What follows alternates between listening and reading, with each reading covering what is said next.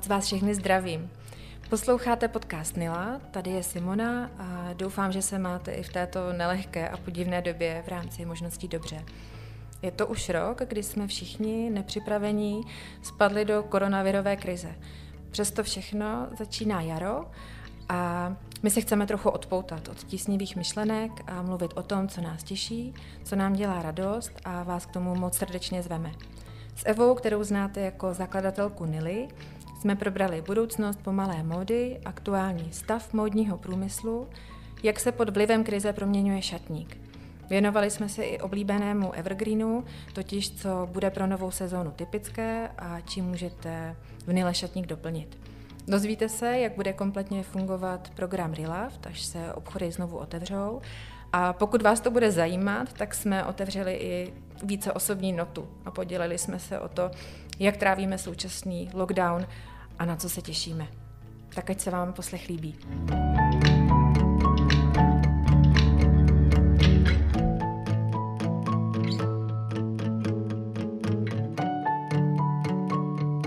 To je vlastně teď přesně rok, co ty si nahrávala svůj první podcast před rokem na chalupě u vás v Beskydech, v místě, odkud nechci říct, že asi úplně pocházíš, ale máš tam kořeny. A máš pocit deja vu? No, úplně nemám, se přiznám, protože um, je takový, ty pocity mývám občas, když si uvědomím, že za ten rok vlastně pořád jsem ve stejné situaci, což jsem tou dobou vůbec nečekala, ale vlastně strašně uh, hodně se toho změnilo, takže od té chvíle, kdy jsem tam natáčela prostě s těma dětma na zahradě loni na jaře, tak uh, nastalo tolik změn prostě v Nile, i to, že ten podcast děláš ty, za to ti strašně děkuju. Prostě všechno tohle, jako mi tyhle ty pocity uh, nějakého návratu zpátky nevyvolává, spíš takového jako uh, směřování do budoucnosti. No už je to vlastně rok, co se všichni propadáme do té krize, kterou někteří označují za největší krizi za posledních několik desítek let, možná i od konce druhé světové války. Myslíš, že se už teď dá říct, jak se to konkrétně projeví v modním průmyslu? No určitě, no, že se to projeví je stoprocentní. Myslím si, že nějaké změny jsou vidět už teď, protože modní průmysl je specifický takovou jako řekla bych, rychlou adaptací na, na trendy a to se vlastně týká i té slow fashion. Prostě se pečlivě sleduje, co se děje s tím koncovým zákazníkem aby mu bylo včas nabídnuto to, co vlastně potřebuje, protože ta móda se, se mění a je potřeba se přizpůsobit. A já si hlavně myslím, že to nebyl jenom ten covid, ale bylo tam více věcí, které hrály roli. Třeba bych zmínila Black Lives Matter, to byla jako velká věc, která se i promítla vlastně do módy tím, že se mnohem víc mluví o nějaké jako inkluzivitě a o nějaké toleranci a o správném vnímání věcí a vznikají tam nová témata, která jsou třeba velice zajímavá, jako jakým způsobem se chováme k lidem, i k různým třeba kulturám, co si od nich bereme, co si třeba neprávem přivlastňujeme. Další věc, kterou bych zmínila, tam byla vlastně um, aféra nebo taková zvýšená pozornost kolem ujgurské minority v Číně, která je zneužívaná právě eh, pro otrockou práci, hodně se o tom neví. Takže nebyl to jenom ten covid, ale samozřejmě je to covid eh, zejména. A ta největší změna, která tam probíhá, je určitě v taková jednoznačná, jednoduchá v tom, co lidé nosí. To znamená, mnohem více tam eh, příklon k leisurewear nebo takové jako uvolněné modě, kdy se začínají stírat hranice mezi tím, co nosíme doma, co nosíme venku, co nosíme do práce. Samozřejmě můžeme si říct, že to je třeba přechodná věc, že se to změní, ale myslím si, že určité prvky toho zůstanou. Zejména ty prvky toho, že se lidé začali lépe oblíkat v tom domácím prostředí, protože najednou to pro ně začalo být důležitější a to, že jsme si upravovali ty domácnosti, se promítlo i do toho, že jsme se chtěli líbit těm lidem, co jsou doma, chtěli jsme se cítit sami lépe v tom domácím prostředí.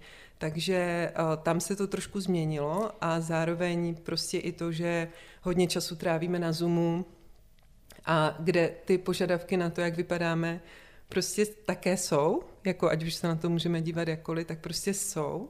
Eh, pro hodně lidí je to třeba i zdroj stresu a, a nervozity, že jo, mluví se o tom, že to mělo vliv na to, že mnohem více lidi začali pečovat prostě třeba o svou pleť a možná je to tím, že mají více času, ale i tím, že prostě se na a sebe nebo, koukají. Pro mě možná zdroj potěšení, že si konečně teda máš důvod jako vzít eh, něco pěkného na sebe, protože to třeba ocení nebo ta situace si to trochu žádá. Přesně tak, přesně tak. Takže tohle všechno se prostě do těch kolekcí okamžitě začalo uh, promítat, hlavně teda v té fast fashion, která reaguje na všechno rychle, takže se začaly lidem jako kdyby tlačit ty pohodlné věci, chtělo se po nich, aby změnili ten šatník, aby nakupovali. Ale když zůstaneme u té pomalé mody, uh, tak já si myslím, že tam ty značky reagovaly tím, že um, celkově začali přehodnocovat ty svoje modely také, eh, nebo modely fungování v tom smyslu, eh, což se nám v Nile eh, velice líbí mimochodem, aby ty jednotlivé kolekce do sebe hezky zapadaly. To znamená, aby jsme vždycky nebyli navázaný na tu rychlost, s jakou ten zákazník nakoupí, ale aby jsme mu umožnili třeba z každé té kolekce, která přijde, si koupit nějaký jeden model, aby skvěle zapadal do toho, co bylo v té předchozí kolekci. Z, po, z pozice třeba obchodu nebo obchodníka je to také výhoda v tom, že třeba nás to nenutí tak rychle vyprodávat ty starší kolekce, protože ty nové kolekce s nimi třeba lépe ladí. A celkově ty kolekce se uh, utáhly, čili zmenšil se počet kusů, který ta značka, když se bavíme, uh, nás v Nile zajímá zejména takové ty nezávislé menší značky, tak eh, počet kusů v těch kolekcích se prostě snížil. Ne z nějaké opatrnosti, ale řekla bych eh, z úvahy eh, toho, že opět se prohloubil ten pocit, že bychom měli dělat kvalitní věci a věci, které dlouho vydrží a které umožní nějaký organický růst nebo organické vlastně zhodnocení nebo prohloubení toho našeho šatníku. Teď nevím, jestli to neříkám třeba nějak příliš složitě, ale vlastně to, aby to pořád jako fungovalo a zapadalo do sebe Um, ale zároveň i v té slow fashion jsou, a k tomu se určitě dostaneme, nějaké nové trendy, nové věci, které se tam objevují, uh, což je strašně fajn.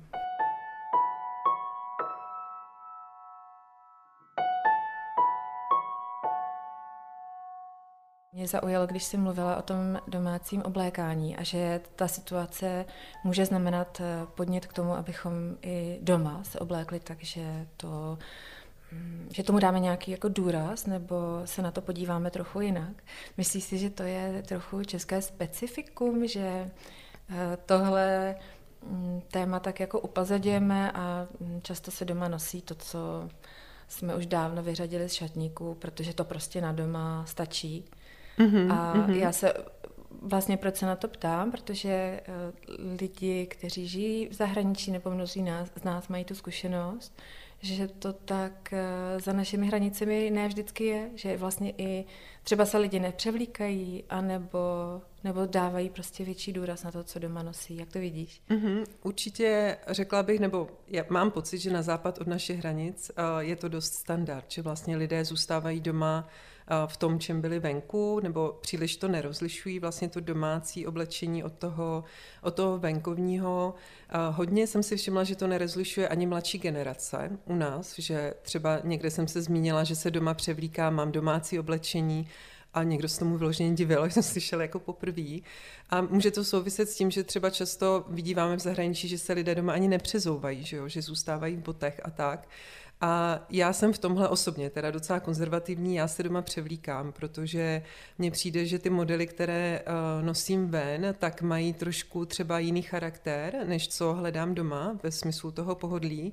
A plus uh, to uh, považuji za takovou jako dobrou péči. Třeba tento oblečení nemít na sobě víc než několik hodin, aby si mohlo odpočinout, aby si mohlo vyvětrat, což je prostě obecně unošení oblečení i bod takový nejhorší vlastně zlozvyk, že to nosíme příliš nebo příliš dlouho vlastně unavíme příliš ten materiál a potom chceme, aby se rychle zregenerovala, tak to prostě jako kdyby nejde. Takže já se převlíkám, zároveň třeba i já jsem se za poslední rok posunula v tom, do čeho se převlíkám. Že prostě chci, aby to bylo víceméně plnohodnotné, možná třeba stylově trošku jiné nebo pohodlnější, ale abych se v tom cítila dobře a líbila jsem se sama sobě i doma, tak na to jsem začala třeba více, více dbát. Ale mám vlastně ty šatníky dva v tomhle směru. No, nevím, jestli je to cesta pro více lidí, anebo jestli třeba je ten posun opravdu v tom, že lidé zůstávají v tom, v čem byli venku, ale to je asi si myslím trošku jako specifikum té, toho nouzového stavu, který teď probíhá, jo? že prostě jsme celý den doma, pak jdeme na chvíli ven, že spíš nám nestojí za to se převlíct pro tu venkovní procházku, když si jdeme k tomu okínku pro kafe nebo pro jídlo. Že jo? Plus si myslím, že to trošku souvisí i s počasím, že třeba konkrétně v létě si myslím, že to častější střídání těch oděvů může prospět nám i těm oděvům a hodně, hodně je to důležité u bot. To vždycky se snažím zdůraznit, když tu příležitost nebo skulinku najdu, ale prostě u bot to bývá nejčastější problém, že boty se nosí příliš a boty prostě musí kompletně vyvětrat, vyschnout mezi každým jako nošením, takže je třeba fajn opravdu boty střídat, nenosit je každý den, nebo prostě nosit pár hodin. Já se třeba přezouvám i v kanceláři, já vím, že to je prostě taky asi jenom moje specifikum, ale myslím si, že to těm věcem svědčí nej, nejvíc. No.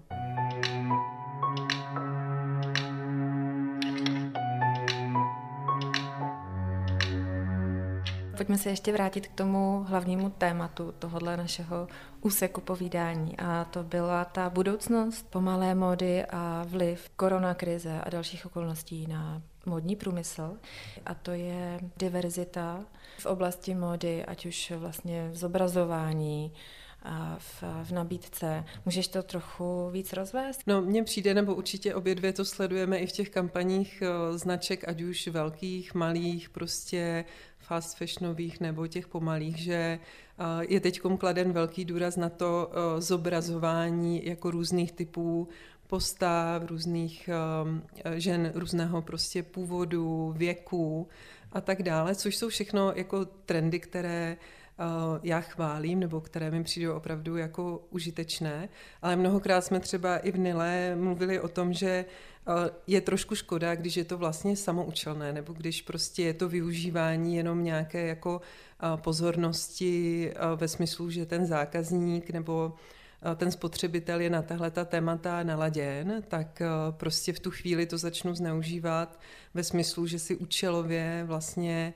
ta témata k sobě jako přitahuju a snažím se tím tím způsobem přivést pozornost třeba k té svojí kolekci, tak tam vnímám takovou jako trošku tenkou linii mezi tím jako opravdu vyjádřením toho, co ta značka jako kreativně s čím přišla a, a, a co má být nového na té kolekci versus jenom to, když to zjednoduším, prostě vybereme si uh, plus size modelku a prostě uh, přestože potom na našich stránkách ona bude někde jako kdyby skovaná, tak v té kampani budeme jako protlačovat a v té první vlně to budeme jako to. A nechci, aby to znělo nějak příliš cynicky, samozřejmě tyhle ty aspekty jsou strašně důležitý, ale přijde mi, uh, že asi i z pohledu toho zákazníka je důležité, aby to bylo rizí, aby to nějak vyvěralo uh, z opravdu z těch hodnot té značky, aby to bylo pravdivé. Jo.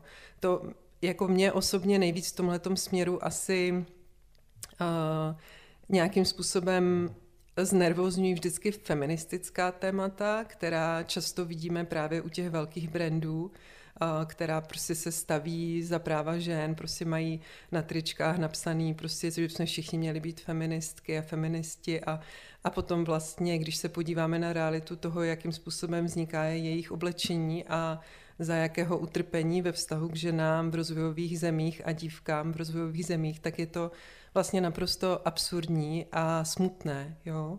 Takže um, tahle doba je prostě taková, že ta společensko-politická témata se do té mody hodně dostávají a uh, je důležité hlídat, aby to nevedlo k, ke zjednodušením a k nějaké formě vlastně uh, ať už greenwashingu, kdy se zneužívají ta témata životního prostředí, a, anebo takového vůbec očišťování těch značek uh, způsobem, který je um, nepravdivý uh, a netransparentní. No. Když jsi mluvila o té ujgurské menšině, tak um, mně napadá, že tohle je příležitost, jak eh, víc vnímat, víc upozorňovat na širší rozměr eh, pomalé módy, který se někdy zužuje na ten pojem udržitelnost a na ten ekologický aspekt, ale že teď je vlastně příležitost to rozvinout, to vnímání i do toho, že tam je ta etická rovina věci. To je něco, co já prostě vidím už několik let, že ta udržitelnost, já jsem i dlouho bojovala s tím termínem, protože mně přišel, přijde takový jako um, takový jako příliš jako už vyprázdněný nebo příliš jako používaný, ale um, je potřeba vždycky rozlišovat dvě věci. Etiku, to znamená, jak ta věc byla vyrobena, co víme o ní, jak vznikala a potom z čeho je vyrobená a jaký měl dopad na životní prostředí. A samozřejmě v zájmu těch velkých brandů, hlavně v oblasti té rychloobrátkové módy, vždycky je, aby se ta pozornost upírala více na to životní prostředí přes ty materiály, protože to je vlastně taková jako levná cesta v téhle době nějakou kolekci udělat místo z, z klasické nebo konvenční bavlny, z biobavlny, nebo místo z eh, polyesteru, tak z recyklovaného polyesteru, nebo aspoň částečně. A vlastně hodně se Tohle to vždycky nafukuje, právě proto, aby nebyly vidět ty eh, problémy, které jsou za těma lidskoprávníma tématama a které jsou i za tou, jak se říká, traceability. To znamená, aby jsme vůbec věděli, eh, kde to vzniklo, jakou máme jistotu, že prostě semínka té bavlny v Beninu nesázelo nějaké dítě, a tak dále. To jsou strašně těžké věci, vlastně udržet ten dodavatelský řetězec a ten původ těch věcí v uvozovkách čistý. Jsou to věci, které tu, ten výsledný model prodražují a to dost zásadním způsobem. Proto ta rychlobrátková moda prostě tohle to nechce.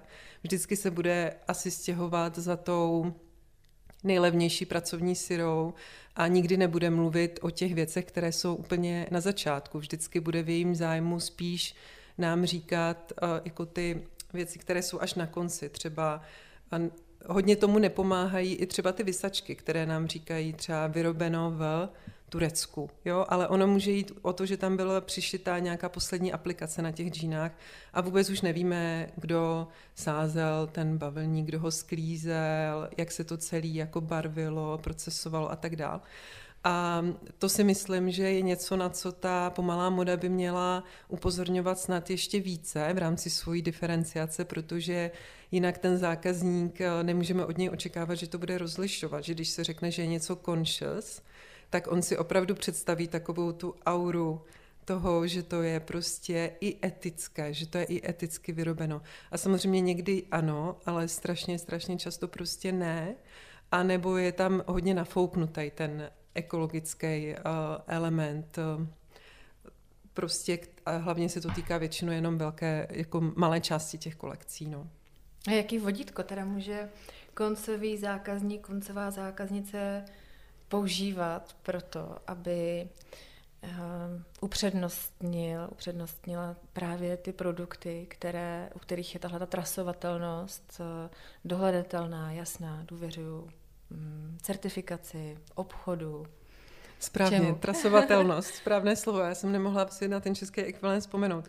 No já si myslím, že um, je otázka, jestli to po těch zákaznících vůbec můžeme chtít, nebo jestli bychom měli usilovat o nějakou jako reformu toho průmyslu jako takového, ve smyslu jako udávání informací jiným způsobem na vysačkách a tak dále. A to by bylo asi příliš jako kdyby složitý tady jako rozebírat. Z pohledu zákazníka já si myslím, že to, co je uh, užitečné i zábavné, je najít si vždycky hodně o té značce.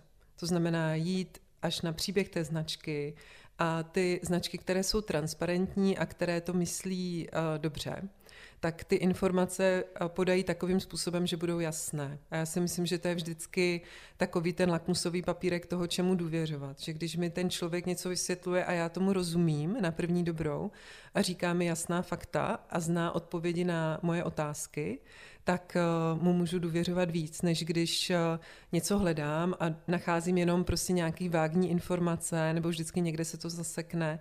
Snažit se nakouknout trošku pod povrch a um, jako já neříkám, že to je jednoduché, protože i my v Nile v rámci toho nákupního procesu musíme dělat strašně hodně rozhodnutí, jenom s určitým objemem věcí. A ty věci nejsou černobílé, to znamená, ideální je pro toho zákazníka, a to se týká asi spotřeby čehokoliv, dát si nějaké priority. Vlastně, co mě zajímá. Zajímá mě životní prostředí, nebo chci podporovat nějaký lokální design, nebo jsem vegan a chci se vždycky ujistit, že tam není žádný, žádný prvek zvířecího původu, nebo prostě věřím tomu, že se nemají znečišťovat oceány a proto si budu hlídat, abych jako neměl v šatníku umělé materiály nebo je pral určitým způsobem. A zbytečně možná nehonit jako příliš mnoho zajíců najednou, říct si, tohle je mému srdci blízký a tohle mě vždycky bude zajímat třeba trošku víc než něco jiného. A v Nile se snažíme tak nějak jako rovnoměrně se věnovat všem těmhle těm tématům a ve finále vždycky nějaké rozhodnutí prostě musíme udělat, ale snažíme se být právě jako transparentní a nespolupracovat se značkami, které transparentní nejsou. Velice dobrý certifikát je GOTS, protože tady tahle ta certifikace, která se týká široké škály materiálů, ať už je to biobavlna, biolén a tak dále, tak v sobě zahrnuje právě i ten prvek lidskoprávní, to znamená bezpečné prostředí výroby, kdo to vyráběl, absenci dětské práce. Myslím si, že je důležité pro lidi pochopit, že klidně může být, existovat lokální návrhář nebo evropský návrhář, který vyrábí oblečení, bez toho, aby vůbec věděl, kde se ta věc pěstovala, pokud jde o přírodní materiál, jak se zpracovávala a tak dále. Tím se dostáváme eh, k tématu lokálního designu. Mm-hmm. Jak ho v Nile vybíráme? Uh, jak k tomu vlastně přistupujeme? Lokální design, to je takové jako věčné téma, uh, uvědomit si, uh, co vlastně tady je, co, co ten trh nám nabízí. A on jako z mého pohledu nabízí zatím ke škodě věci a málo v oblasti módy. To znamená, my jsme schopní do Nily vzít a představit velkou škálu různých lokálních značek, ale pravda je, že často to jsou věci, které nejsou, nespadají do sekce módy. Jo, jsou to prostě hodně je na vzestupu teď biokosmetika, hodně jsou to doplňky do bytu, um, papírenské věci, značky, které se prostě zabývají jiné, jinou oblastí. A nechci, aby to znělo jako kritika, protože moda je složitá, že jo? Moda je uh, těžší na výrobu i na prodej v tom, že existuje v určitých velikostních škálách, je hodně prostě spojená s preferencemi těch zákazníků a vlastně podnikání v módě je vždycky spojené s určitým rizikem, jak na straně toho prodeje, tak na straně té výroby. A myslím si, že je tady ještě určitě velký prostor na českém trhu, aby vznikaly lokální značky, které by zároveň splňovaly ty požadavky té etiky a ekologie, což Bohužel ne vždycky koncový zákazník rozlišuje. Často má za to, že vlastně pokud je to lokální, tak je to slow fashion. Nesmírně často vidím lokální značku, která není a nepa, nespadá do ranku pomalé mody, že si prostě tam ten hashtag přidá, jenom protože je lokální, což vlastně ale samo o sobě vůbec nic neznamená. To je jenom to, že to ušel někdo tady, vymyslel někdo tady a to je taková trošku jiná um, uh, jiný hledisko. To je hledisko toho, že si vážíme lokálního průmyslu a lokálního know-how a já nevím, studentů lokálních uh, jako uh, škol, ale nesouvisí to s tím, jestli uh, ta biobavlna, jak byla pěstovaná, z čeho ty šaty jsou, uh, jak vznikaly a tak. Takže je potřeba tyhle ty dvě věci začít uh, jako zohledňovat. A bylo by fajn, kdyby, bylo by to krásný, když to není jednoduchý, kdyby tady vznikly uh, značky pro uh, běžnější denní nošení, které by tyhle ty hlediska uh, splňovaly. A pořád si myslím, že pokud bych měla jako jednu radu pro ty budoucí designéry, designéry kteří věřím, že budou, pardon, tak určitě je to dívat se na ten trh jako evropský, protože ve slow fashion ten trh v té Evropské unii už je jako velice propojený.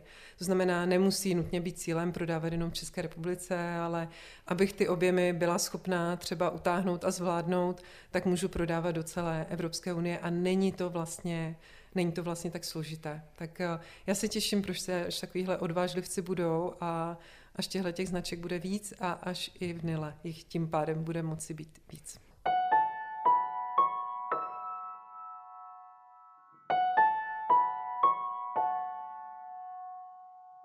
Myslím, že teď je příležitost eh, v detailu rozvést náš program Relaft, který ale na plný rozkvět čeká až do okamžiku, kdy se znovu otevřou naše obchody. Protože mm-hmm. teď vlastně funguje uh, jenom jedna jeho část a to je ten výkup. Hele, strašně ráda. Já musím říct, že pro mě tohle je uh, nejkrásnější věc uh, toho posledního roku. Já jsem strašně dlouho za takovýhle program vlastně bojovala uh, i interně v Nile, protože to není jako jednoduchý uh, pro nás tohle to dělat, ať už uh, lidsky, kapacitně, tak uh, finančně. To není něco, na čem by Nila mohla uh, vydělávat nějaké peníze, ale uh, Pamatuju si úplně ten moment loni na podzim, kdy jsem byla někde na chalupě, projížděla jsem Instagram a narazila jsem na to, že uh, nějaký podobný program uh, vznikl jinde, uh, jako jiných parametrů, ale nějak v tu chvíli jsem si řekla, hele, už prostě musíš, to prostě musíš udělat, protože to strašně chceš. A jako musím, um, musím říct, že vlastně my jsme ho udělali trošku jinak, než by lidé čekali a že jsem ráda, že jsme našli tu odvahu ho udělat podle toho, jak jsme to cítili my. A když bych teda mohla uh, vysvětlit, v čem ta odlišnost spočívá, tak ta odlišnost spočívá v tom, že ve většině uh, recyklačních programů, obchodů nebo značek, většinou to jsou spíš recyklační programy značek, tak uh, vlastně dochází k tomu, že dostáváš nějakou paušální, relativně nízkou cenu za věc, kterou tam vrátíš. A u té věci není předpokládán nějaký další prodej. Je to prostě vlastně zpětný odběr, se kterým se potom něco dělá, ať už se někde přeprodá, nebo se prostě nějak ekologicky zlikviduje, nebo něco. A to vlastně jako v Nile nebyl vůbec náš cíl. My jsme spíš chtěli vytvořit platformu pro naše zákaznice, které mají nějaký hodnotný model doma z ránku pomalé mody a nenosí ho z jakéhokoliv důvodu. A um, protože jsou to laskavé ženy, z mojí zkušenosti většinou, tak to dopadá tak, že se ho chtějí nějakým etickým způsobem zbavit a většinou ho dají své kamarádce nebo ho nějakým způsobem pošlou dál. A mně vždycky přišlo líto, že my jako v Nile jim s tím nemůžeme úplně pomoct, přestože si o to často říkali. A že spousta modelů, který jsme strašně milovali a měli rádi, a třeba jednoho dne se ocitne někde prostě na nějakým facebookovém marketplaceu nebo někde a třeba ta mm, prezentace toho modelu ani není adekvátní nebo i ta cena je zbytečně nízká.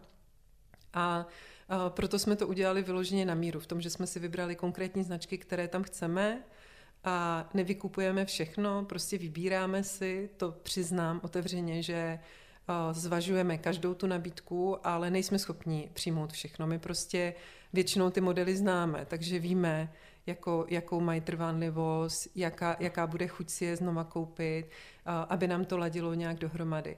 A těch, po tom spuštění teda těch nabídek přišlo poměrně hodně a pořád choděj. A ta kolekce, která vzniká, je fakt strašně pěkná. Jako mám z toho neuvěřitelnou radost.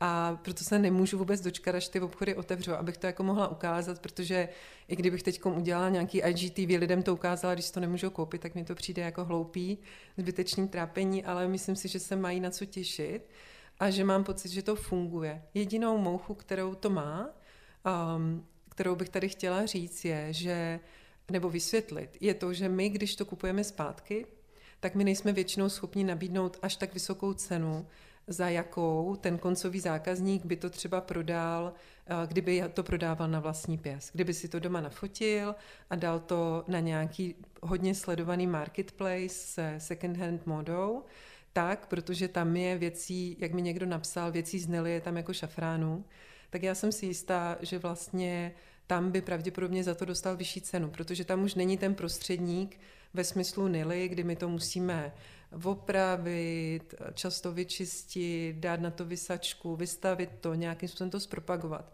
Takže ta cena, kterou my za to nabízíme, prostě bude trošku nižší. Aktuálně se pohybuje kolem 15, ale až 40%, protože když mi někdo pošle něco, co já vím, že byl bestseller a co nám okamžitě došlo, tak já jako nemám problém za to zaplatit tu férovou cenu z pohledu Nily. No a takže ta výhoda u nás je, že je to rychlý, to znamená, my si to hnedka vemem, ale řekla bych, že to, co by mělo být tou hlavní motivací, a já doufám, že je, a zatím to tak vypadá, je vlastně ta komunita.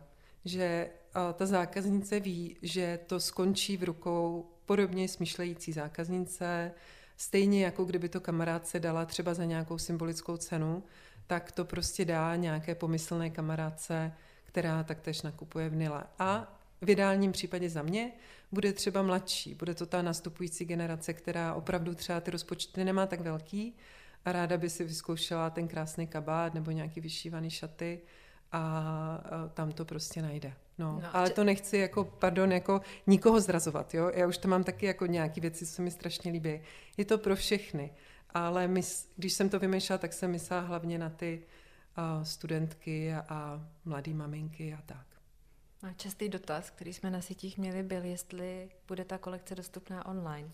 No, jasně, no, to je, by bylo krásný a uh, my teď máme v Nile, jsme investovali do toho, že ten program má uh, svýho vlastního člověka, který se o něj stará. Uh, Aňa, ne teda jako, není to jako full-time job, ale prostě hodně času na tom tráví a pokud to půjde, tak v nějaké formě to nabídneme. Já spíš moje vize je taková, že když to bude opravdu fungovat a těch věcí bude opravdu hodně, tak to právě zkusíme překlopit do nějakého zautomatizovaného jako marketplaceu, který bude třeba fungovat i trošku mimo Nilu. Ale když by si to měl posluchač představit v tenhle model, mo- moment, co by to pro mě znamenalo, tak já bych se k té jednotlivé věci, která už je nošená, musela chovat stejně jako k jakékoliv nové kolekci, kde třeba od jednoho modelu máme 40 až 50 kusů. A ta časová investice do té prezentace na tom webu prostě je velká a v tuhle tu chvíli si to dovolit nemůžeme. V tuhle tu chvíli si můžeme dovolit pouze to, že se to prostě vystaví a a tuším, že to vždycky na tom štendru vydrží dva až tři dny. A to je prostě, tak je to teď spočítaný, aby to fungovalo. No, my tam máme vlastně DPH, které tam musíme jako Nila platit, to bych zmínila, to tam prostě je, i když je nižší než u nového zboží. A vychází to prostě tak tak, aby ty modely byly cenově dostupné. A ta webová prezentace se tam v tuhle chvíli prostě nevejde. My jsme při uvedení toho programu nafotili uh, takovou kampaň a můžeš uh, poodhalit, jak jsme o tom přemýšleli, jak to vznikalo. Ty fotky, které z toho vznikly, uh, jsme viděli, že se, že se líbí. No, tak určitě tam je velký dík patří Patrici Madarové, která dělala styling, Luce Fenslové, která to fotila.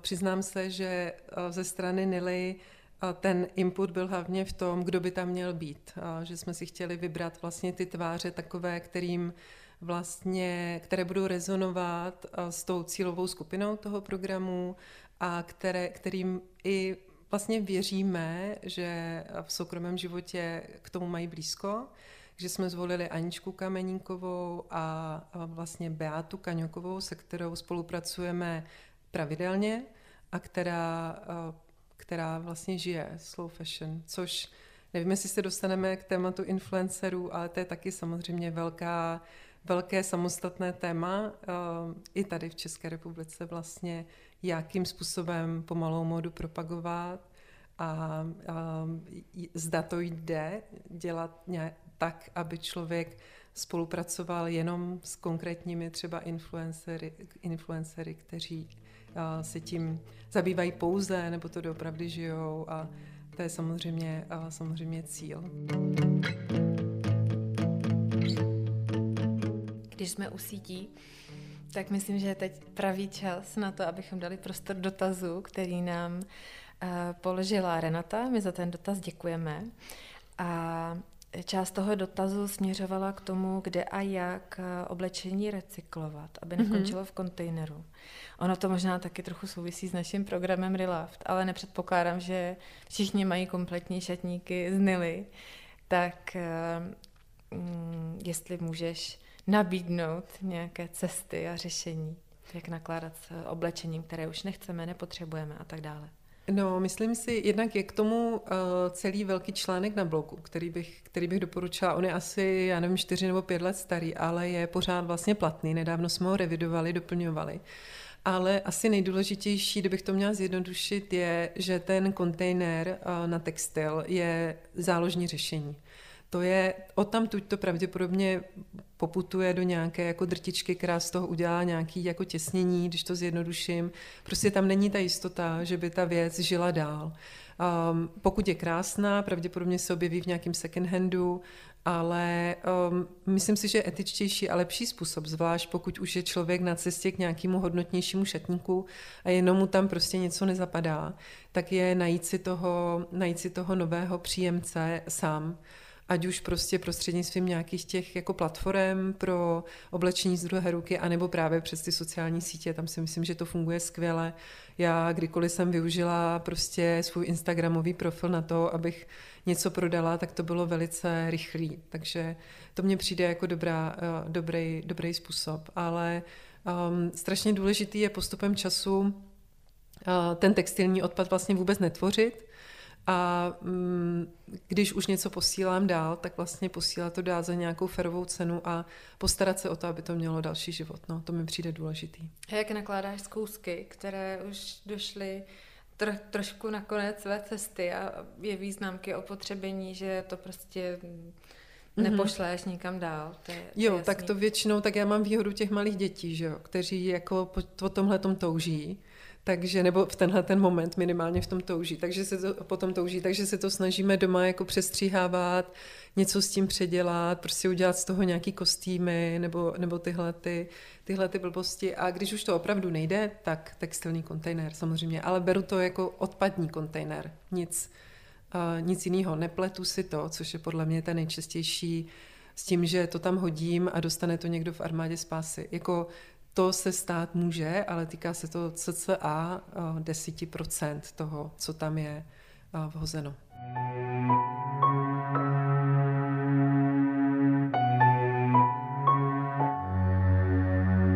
My se tady chtě nechtě pořád točíme kolem tématu koronakrize a jejich dopadů. A ono to má jako dost eh, praktické mm, důsledky i pro nakupování oblečení.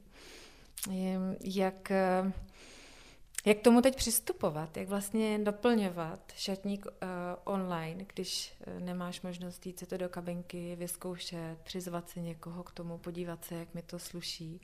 No, vím, že to není jednoduché, záleží asi na tom, jak eh, jsou, je člověk zvyklý nakupovat online, jak dobrý má odhad toho, co mu bude slušet, co mu bude sedět, jak dalece má třeba trpělivost si opravdu přečíst ty popisky a ty rozměry, přeměřit sebe. A myslím si, že hodně dobře funguje přeměřovat jiné podobné modely doma. A možná i víc, než se řídit těma velikostma, tak hledat třeba prostě přesné rozměry toho oděvu. A asi nezbývá, než jako dvě věci. Buď počkat, až ty obchody budou otevřené, pokud se mi to opravdu jako nedaří, anebo využít i možností třeba um, nakoupit toho víc, něco vrátit, zejména když jsou to výdejní okénka, třeba jako u nás, tak tam jako mm, ta škoda environmentální až tak velká není. Horší je to, když se to obličení zasílá a prostě zasílá se tam a zpátky, tam a zpátky. To není samozřejmě optimální a tam bych doporučila podle mě jako dvakrát měřit, jednou řezat. No. Opravdu si to nenakupovat impulzivně, nechat si to třeba jeden, dva dny uležet, srovnat si to, přeměřit si to, nechat si poradit a teprve potom do, do toho jít. No. Ale myslím si, že to prostě jednoduché není a já jsem pořád velký fanda jako osobních nákupů, takže doufám, že už to brzo skončí a že ty kabinky opět prostě k dispozici budou. My máme i takovou službu, která možná by mohla pro někoho dobře fungovat v rámci Prahy, a to je to, že si můžete vlastně objednat cokoliv a ten kurýr čeká 20 minut venku, ne s váma doma, neradí vám, prostě počká venku, co si z toho vyberete. A jenom to, co si vyberete, to platíte a zbytek posíláte zpátky. Není to uh, levná služba, je to prostě, kolik my za to zaplatíme, tolik přenášíme na toho zákazníka ale může to být pro někoho třeba výhodnější a pohodlnější, než ten nákup přes ty okýnka. Takhle opravdu si můžete domů třeba objednat patery šaty, necháte si jedny a zbytek pošlete zpátky. Tak to třeba může být jako dobrá služba pro někoho. No. Než pak třeba i investovat do toho, že to balím a zase posílám zpátky. Přesně tak, přesně tak. No. Takže já jako uh, vím, že ten pohyb se teď musí omezovat, ale vlastně ten, ty ty výdejní okna jsou pořád jakoby ta ekologičtější varianta z našeho pohledu, než to, než to zasílání. No. A vy už si, si sestavila svůj sezónní šatník? Už máš na štendru připravený repertoár pro nadcházející týdny? Mám, mám. Jako já se pořád posouvám v tom, že uh, já jsem si poslechla uh, vlastně podcast, který jsem natáčela před, před rokem, což jsme na něj ťukli na začátku. Ten bych chtěla říct, že určitě stále platí, abych nerada to tady začala celý opakovat, jako jak ten šatník prostě třídit a tak, ale postupně se dostávám k tomu, že jak ještě loni jsem to dělala jednou za sezónu, jaro, léto, podzim, zima, tak jsem to teď začala dělat každý měsíc. A přijde mi, že když se to dělá každý měsíc, tak je to otázka, v mém případě je to otázka už jenom 20 minut nebo půl hodiny, kdy vlastně na tom štendru si prohážu to, co ten měsíc budu nosit a jako u mě je to třeba nějakých 20 modelů a zjistím si, jestli mi tam něco chybí, nechybí. Často objevím něco, co jsem zapomněla, že mám a z toho mám radost. A takhle si to proměňuji teď jako každý měsíc, což se trošku podobá takovému konceptu, který je teď, jako i v té slow fashion neustále jsou nějaký trendy, tak je takový trend vlastně v Americe 30x30, to znamená 30 modelů na 30 dní, ale tam se teda počítají a to si myslím, že je docela užitečné i kabelky a boty, což mě docela taky inspirovalo a zaujalo v tom, že um, člověk by měl ty outfity vnímat jako celky. Často ty boty tam hrajou docela důležitou roli, takže se snažím takhle na ten měsíc si nachystat uh, to prostě komplet. Jaký, ale jako upřímně já mám třeba jenom tři kabelky, jo, tak to není takový problém, ale myslím si, že u někoho, kdo třeba je velký fanda různých typů kabelek nebo různých typů bot, tak vlastně nezapomínat na tyhle ty věci a zkusit si to jednou za měsíc na ten měsíc takhle jako sestavit. Mně přijde, že je strašně fajn a nehraničí to s nějakou obsesí s modou. Myslím si, že to spíš je taková dobrá cesta k tomu minimalismu, že jako vím, co tam mám, vím, jak to budu nosit a jednou za měsíc si to řeknu, nachystám a nemusím to pak řešit. A těch 30 modelů to je 30 kusů oblečení, anebo mm-hmm. 30 kombinací? Ne, ne, ne, 30 kusů oblečení, ale to je nějaký jako orientační číslo, který zahrnuje právě i ty boty a ty kabelky. Ale uh, tady bych chtěla říct, že fakt to číslo vlastně strašně individuální, jo, protože um, já vlastně ty čísla nemám ráda, protože jsou lidi, kteří takhle budou mít deset věcí a budou celý měsíc vypadat skvěle a pokaždé, když je potkáte, budete mít pocit, že je vidíte v něčem jiném a novém. A pak jsou lidi, kteří tolik vrství a tak krásně to umějí kombinovat jako barvy, vzory, materiály dohromady, že prostě tam toho musí mít 50 a je to úplně jedno. A já vlastně takovéhle šatníky jako obdivuju, jo. To vůbec jako, um, já si myslím, že ta smysluplnost uh, není nutně askeza. Je to o tom, že prostě opravdu nepouštím si tam věci, které ponosím pětkrát a pak je vyhodím. To je špatně. Prostě každou věc bych si měla hlídat, a, nebo hlídat, pomyslně hlídat, že jsem nosila alespoň 30krát. Jo, ono to zní málo, ale ono to je hodně nošení. Když si to zkusíte reálně počítat, tak je to hodně, hodně nošení a ta věc, když těch 30 nošení v tom šatníku přežije, tak pravděpodobně už v tom šatníku i zůstane na pořád. Jo?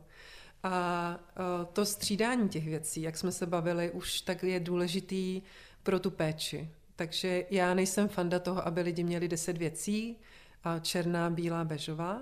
Prostě myslím si, že život je radostnější, ale spíš, aby jich měli tolik, kolik opravdu unosí. Jo? Nemít ty přeplněné skříně. To je podle mě ten hlavní nešvar a boj a zdroj frustrace pro lidi. A čím si plánuješ doplnit četník z nových kolekcí? No, já musím říct, že vlastně já už jsem si ho doplnila hodně loni a letos ten trend uh, v té pomalé modě je v několika věcech. Jednak jsou to nebarvené materiály, což mě strašně těší a um, jsem ráda, že to konečně nějakým způsobem uh, vykvetlo, že vlastně ty neupravené, nebarvené materiály, ať už se jedná o vlnu nebo bavlnu, taková ta lomená bílá, že je to vlastně strašně krásný a dobře kombinovatelný. Takže to je něco, co já v tom šatníku mám už hodně z Loňska a co pro mě strašně hezky funguje, protože já mám i ráda jako výrazné doplňky, výrazné šperky a tohle to je skvělý pozadí a hodně u těchto těch uh, nebarvených materiálů um, je důležitá struktura. Já vím, že se někdo ptal na surové hedvábí, surové hedvábí je prostě v principu jenom to, je způsob úpravy. Běžně se hedvábí upravuje do takové té hladoučké, lesklé, luxusní formy, jakou známe, ale to hedvábí je možné upravit do podoby, která se mnohem víc blíží třeba takové drsnější um, bavlně, nebo jak to mám říct, takovému plátnu, které má určitou strukturu, a může mít i na sobě takovou, takové jako třeba jako kdyby malinkaté žmolečky, nebo prostě je, je jako úplně jiný, na první pohled by člověk nepoznal, že to je hedvábí, ale je to strašně příjemný a vlastně tady na těchto těch nebarvených eh, věcech to strašně hezky potom ta struktura těch materiálů eh, vystoupí. A, takže to je jedna věc, která mě baví a potom hodně letos budou hrát na jaře roli eh, pastelové odstíny, a, květin, um, šalvěj, levandule, malina, terakota jsem si tady napsala, terakota už je ale dlouho v, v trendu. Tak takovéhle jako barvy a hodně důležitý letos bude třeba citron, citronová barva, která suší více lidem, než si, než si lidé myslí. Tak to bych třeba doporučila a, taky vyzkoušet. A já tam určitě nějaké věci v Merku mám, které které vím, že nám dorazí. Těším se na ně a určitě minimálně jedny šaty si pořídím. Ale pravda je, že vlastně už po těch, přemýšlím, jak dlouho mi to trvalo, asi 6 let, jako vybudovat si ten šatník, kde už jsou jenom ty značky, kterým stoprocentně věřím. A jako kdybych nechtěla, což já teda chci, ale kdybych nechtěla, tak si asi nemusím kupovat nic, což mi přijde takový jako vlastně fajn, že nemám pocit jako nedostatku, přestože ten šatník mám relativně malý. Tak um, to si myslím, že je takový jako potom pocit, se kterým se dobře uh, investuje do těch věcí dál, protože člověk není pod žádným tlakem, že nutně si musí něco nového koupit. A vůbec bych řekla, že konečně se překonal ten pocit a myslím si, že to je um, úkol pro všechny influencery, za který by byla vděčná, kdyby si ho vzali za svý, že není trapný věci nosit opakovaně. Že se nemusím pokaždé ukazovat v něčem novém a že už se to dostává i do úrovně těch celebrit a těch lidí, kteří o tom mluví, že jsou pišní na to, hele, tohle mám už na sobě potolikátý, protože prostě věřím tomu, věřím té věci, mám ji ráda a nepotřebují vyhodit nebo posílat dál. Stejně tak jako ty nákupy třeba z druhé ruky. Jako um, dřív to bývalo něco, za co se um, běžná osobnost jako styděla a teď ten takový ty iniciativy toho green carpet a tohohle, je to, je to mnohem víc vidět. Tak doufám, že jenom nejsem v bublině. I ve vodkyně Kate opakuje některé své modely. Jinak za dotaz ohledně surového hedvábí děkujeme Kataríně z Facebooku a já bych tady v tenhle okamžik ráda vlastně vyzvala vás všechny, kdo nás pravidelně posloucháte a máte třeba nějaký podnět eh, na hosta, na téma nebo i, i nějaký dotaz, který máte pocit, že by měl být položen, tak nám ho určitě neváhejte poslat prostřednictvím sítí nebo eh, vlastně jiným způsobem, klidně na mail, který zveřejníme třeba při avízu dalších podcastů.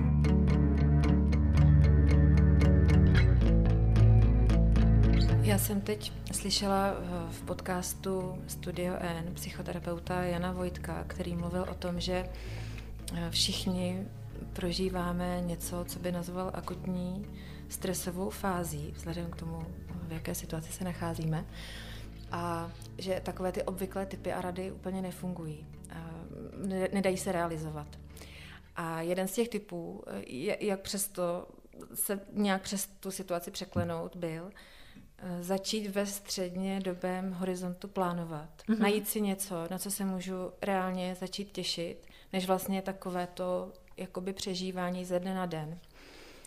Na co se těšíš? Máš tam něco na tom horizontu, který už je tak trochu na dohled? Co ti dává energii a z čeho čerpáš? No, tak určitě nejvíc se těším na to, až otevřeme naše obchody. A to se těším nejenom, protože to je prostě uh, můj biznis a život, ale protože jako si myslím, že chci zase znova vidět ty zákaznice, znova vidět uh, ten náš tým. My už teď jsme nainstalovali jarní výlohy, prostě jako kdyby pokračujeme dál a bude to pro mě strašně hezký moment, až se otevře. Jako to vím, že mě drželo nad vodou loni a drží mě to nad vodou i letos, ale já naprosto souhlasím, ač nejsem schopná to podložit žádnou studii, že vlastně těšit se na něco je 80% všeho. Takže já se už teď těším na to, co budu dělat v létě a vždycky se snažím nevím jak ty, ale vlastně, aby to těšení se dostalo nějaké konkrétní obrysy. Jako to, to mě strašně vlastně těší, že třeba když vím, že někam bych chtěla jet, nevím, jestli to půjde, tak se, třeba teď jsem se spojila s paní, od které jsme si v minulosti pronajali takový kamenný domeček ve Francii a vlastně jenom jsem si s ní vyměnila pár e-mailů o tom, jak se má a že kdyby to šlo a prostě bylo to v pořádku, takže bychom si udělali testy a jestli by nám ten domeček zase pronajala. A jenom tím, že to získává tyhle ty jasné kontury, tak eh, mě to prostě pomáhá, že to můžeme doma probrat a že vlastně je to nějakým způsobem eh, na dosah. Takže já si dělám tyhle ty jako konkrétnější plány a, a to mi pomáhá a zároveň Teď mám velkou radost z toho, že se mi podařilo dopsat eh, takový jako první vlastně, jak to říct, text nebo rukopis vlastně knihy, která by měla být v září. Tak eh, pro mě je velký těšení vlastně vidět, jak ta kniha třeba bude vypadat, jak, jak, jaké do ní půjdou fotky a prostě upínat se k těmhle těm konkrétním projektům a drobným kručkům, tak to je to, co, to, co drží nad vodou mě. Evi, moc děkuji za dnešní rozhovor. Děkuji všem, kdo jste nás poslouchali za přízeň, kterou projevujete třeba i poslechem eh, našeho podcastu. A přeju vám, abyste nejen v tom střednědobém horizontu nacházeli ty body, na které se můžete těšit. Mějte se krásně. Já moc děkuju a Simčo, chtěla jsem ti poděkovat za to, jak krásně tyhle ty podcasty děláš a je to pro mě strašná potěcha a pomoc. Děkuju. Já děkuju. Je mi ctí.